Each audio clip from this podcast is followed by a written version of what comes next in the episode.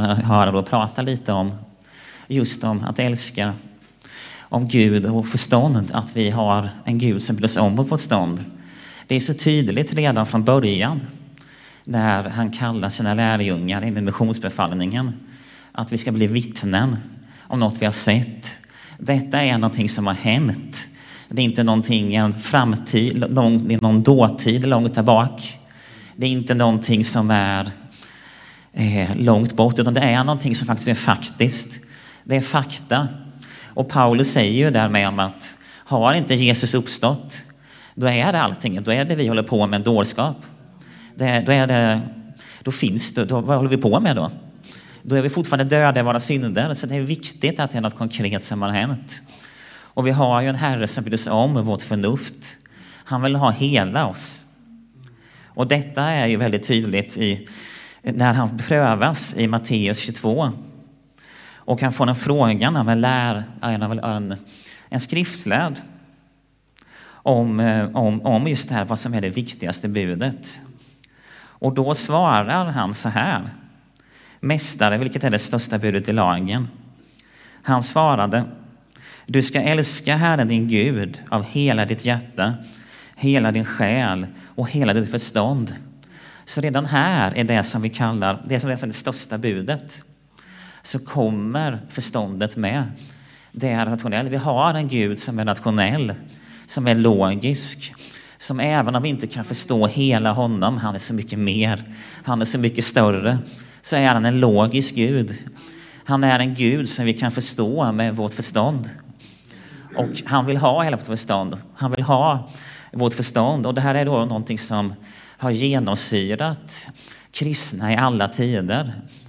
Eh, redan här, som sagt, det här som jag nämnde lite om Paulus som säger om eh, att eh, han säger på ett ställe i Korinthierbrevet att dårskap för stötesten för juden och en dårskap för greken. Det här budskapet är något annat. Det är något annat än det som kommer från världen. Det är något annat än det vi som kan förstås. Det står någonstans att oandliga människor inte kan förstå det hela. Det behövs någonting, men vi kan vara med och hjälpa till. Och det har ju varit som varit tydligt genom hela eh, kyrkohistorien. Några av de första böckerna som, som skrevs under kyrkofädernas tid, det var ju apologetiska böcker för att försvara tron, både mot in, inom mot olika typer av villoläror, men också utåt mot den hedniska världen när detta på olika sätt inte förstår, man förstod inte, man har olika sätt och det finns många, många väldigt rika böcker som man kan fördjupa sig om man är intresserad av den tiden.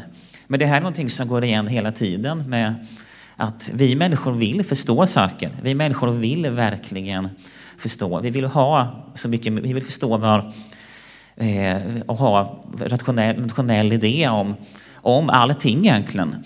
Vi vill veta att det vi tror på, det vi tänker på, det vi ligger på, att det är sant, att det är rätt. Och där är förstånd och sådana här frågor väldigt viktiga.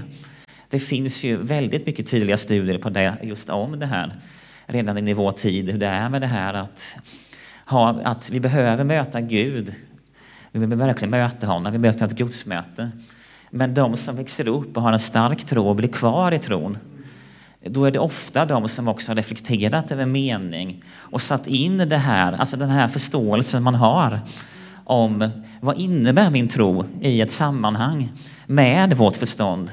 Och detta gör apologetiken ganska viktig i många sammanhang. Tänk er när ni, om, om ni är föräldrar, när ett barn kommer och hör någonting i den värld vi är ute Det är en annan värld vi är ute i, en värld som är på ett annat, när man kan höra saker om kristna, om sin tro eller om vad det än är för något man kan höra. Så, och där är det ju verkligen viktigt att vi vet vad vi ska svara. Det är så viktigt att vi har koll. Och för det är, det är inte alltid lätt. Och det är inte alltid lätt att veta, det är inte alltid lätt att se. Och det finns så mycket tydliga studier på det. Det finns ju många, det är även för församlingen. Har vi verkligen alltid en plats när vi kan komma och ställa frågor? Och då är en sån här helg underbar, bra för att vi kan skapa det med det.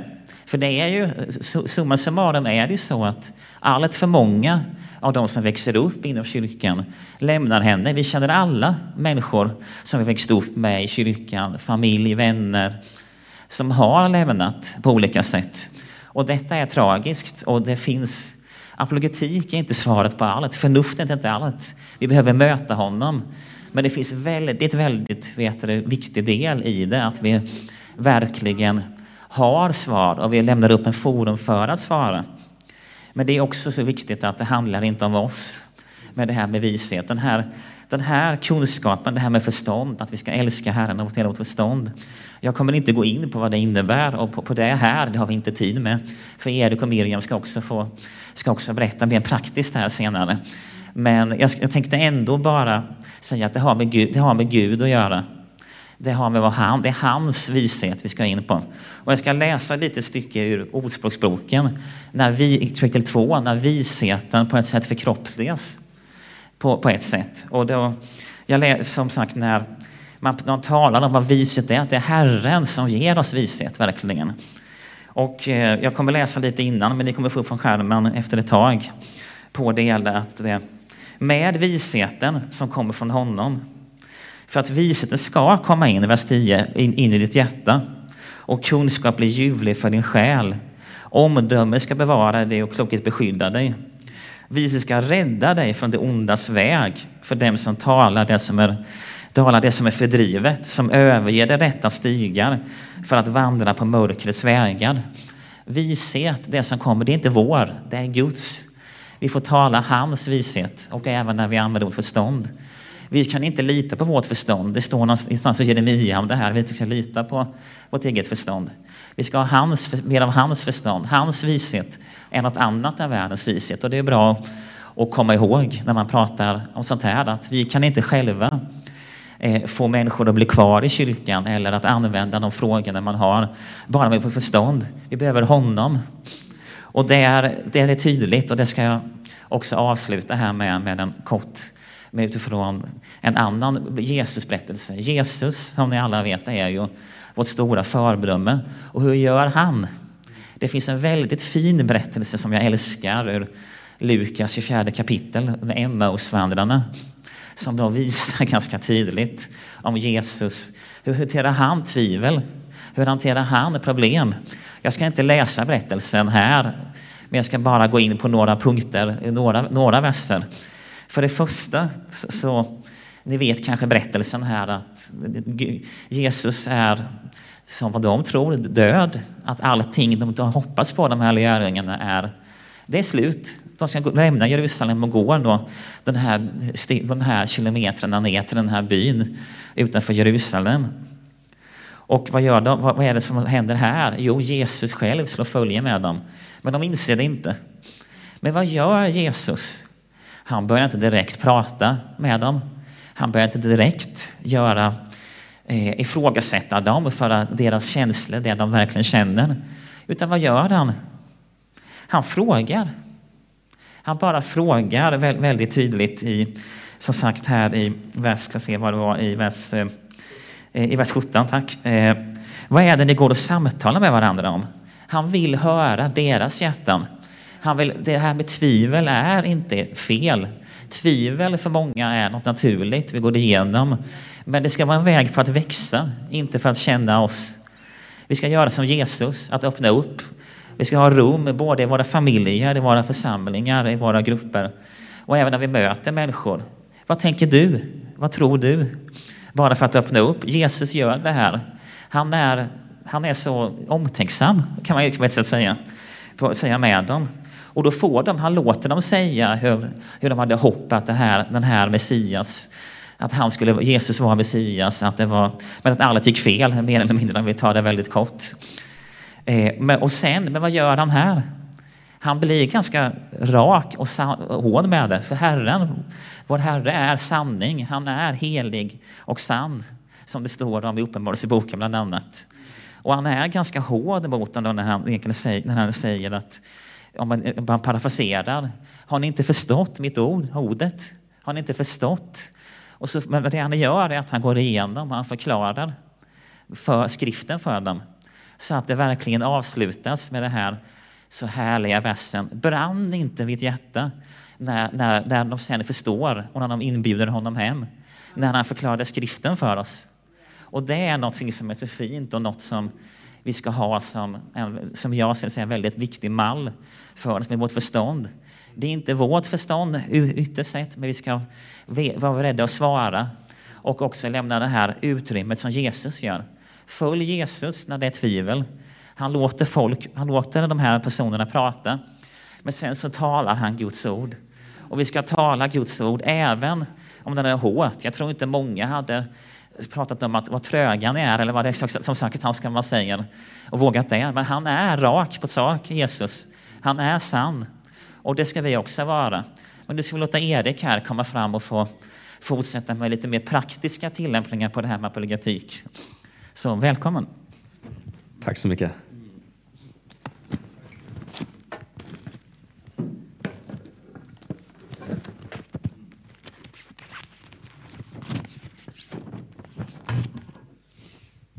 Ja, härligt. Eh, som liten pojke så gick jag i skolan och eh, jag är uppvuxen i en kristen familj så min, eh, min största dröm var ju liksom att se att eh, min klass blev frälst. Liksom. Mina vänner blev, fick bli frälsta. Eh, men verkligheten var något annat. De hade mängder med fördomar mot kristna och en massa konstiga liksom, föreställningar om att kristna är konstiga och sådär. Och, eh, och vi är väl lite konstiga ibland. Eh, Eh, som, som Simon säger, att det är en, det är en dårskap för den som går förlorad. Liksom. Ehm, så jag kände att det var väldigt svårt att kunna, att kunna berätta om, om tron. Hur gör man det på ett bra sätt eh, och, och, så. Um, jag tänker att vi ska läsa Kolosserbrevet 4, vers 5 och 6.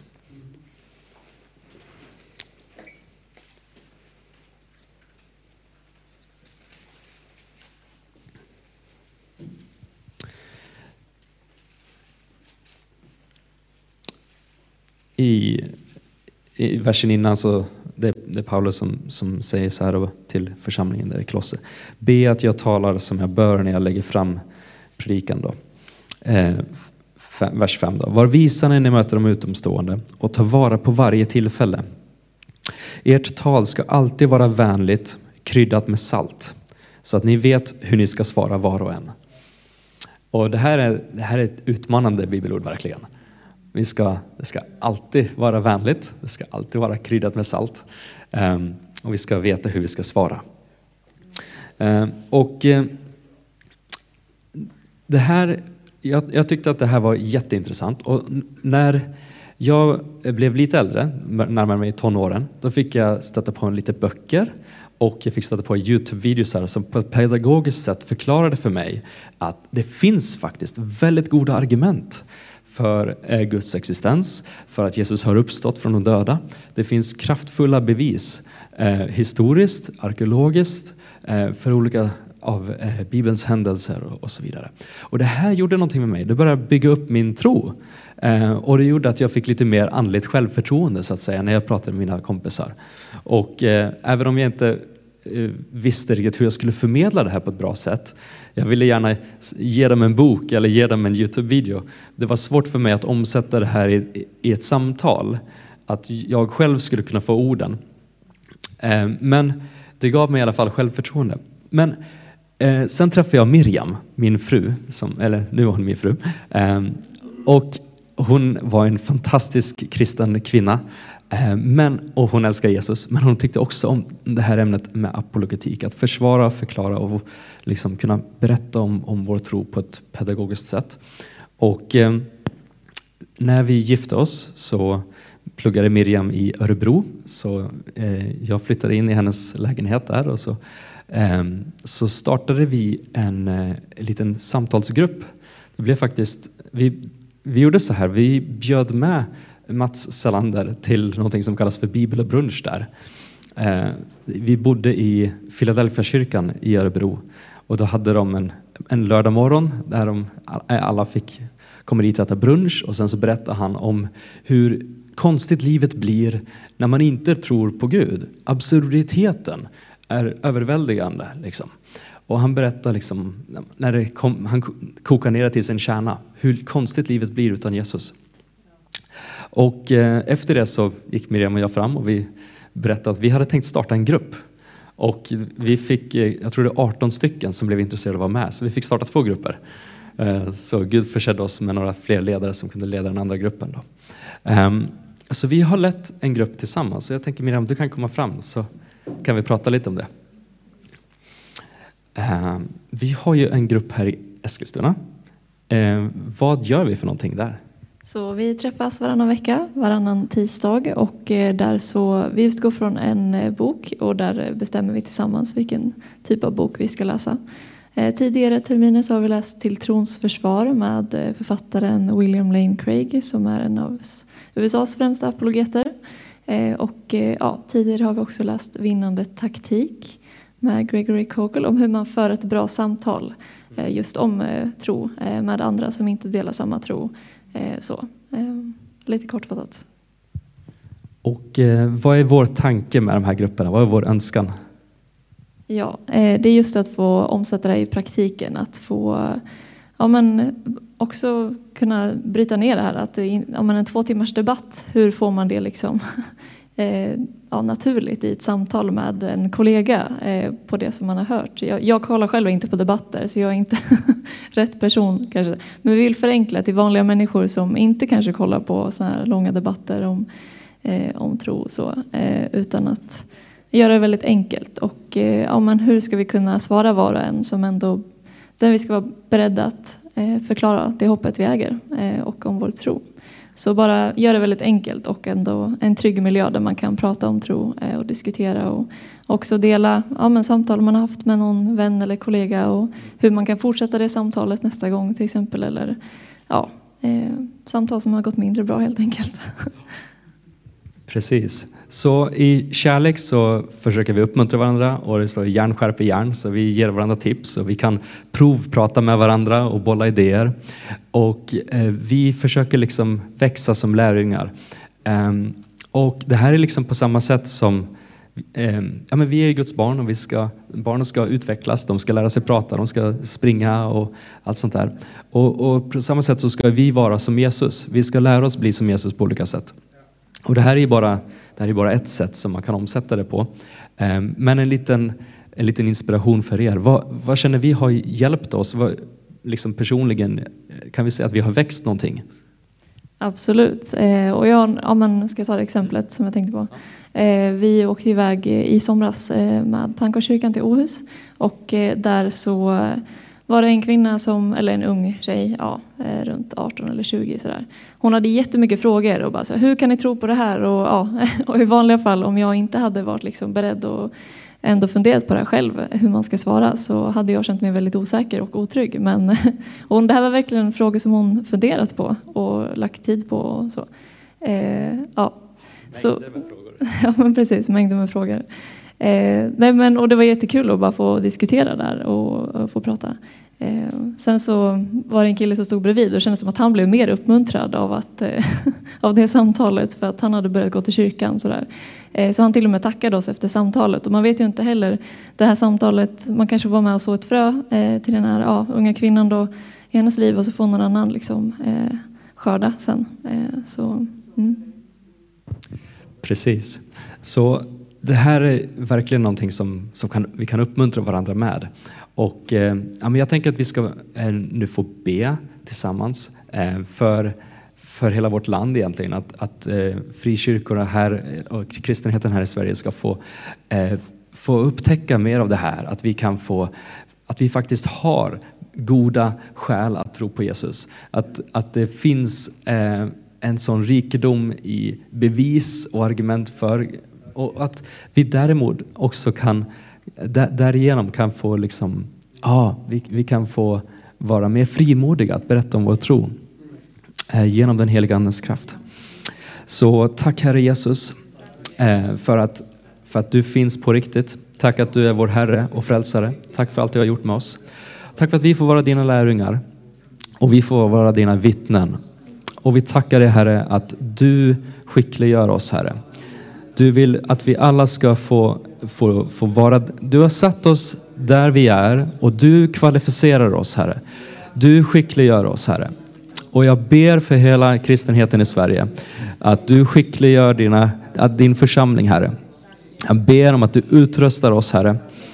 Och jag tackar dig för din, din heliga Ande, Herre. Och jag ber att din heliga Ande eh, ger oss de rätta orden i samtalen med våra vänner och nära och kära, Herre. När vi berättar om dig, Herre, låt det vara dina ord som vi talar ut, Herre. Och vi ber också om att eh, ja, vi kristna vi ska få, få hitta olika sådana här resurser som bygger upp vår tro, Herre. Att vi kan få, få inte, att vi inte behöver tvivla på samma sätt längre utan vi kan få, få faktiskt se att det finns väl, goda svar. Liksom. Tack Jesus. Och vi tackar dig för den här helgen som kommer. Vi ber om att vi ska få fylla kyrkan med, med intresserade människor som, ja Herre, som, som får bli utrustade och uppbyggda. I Jesu namn tackar vi dig Herre. Amen. Tack så jättemycket Erik, Miriam och Simon.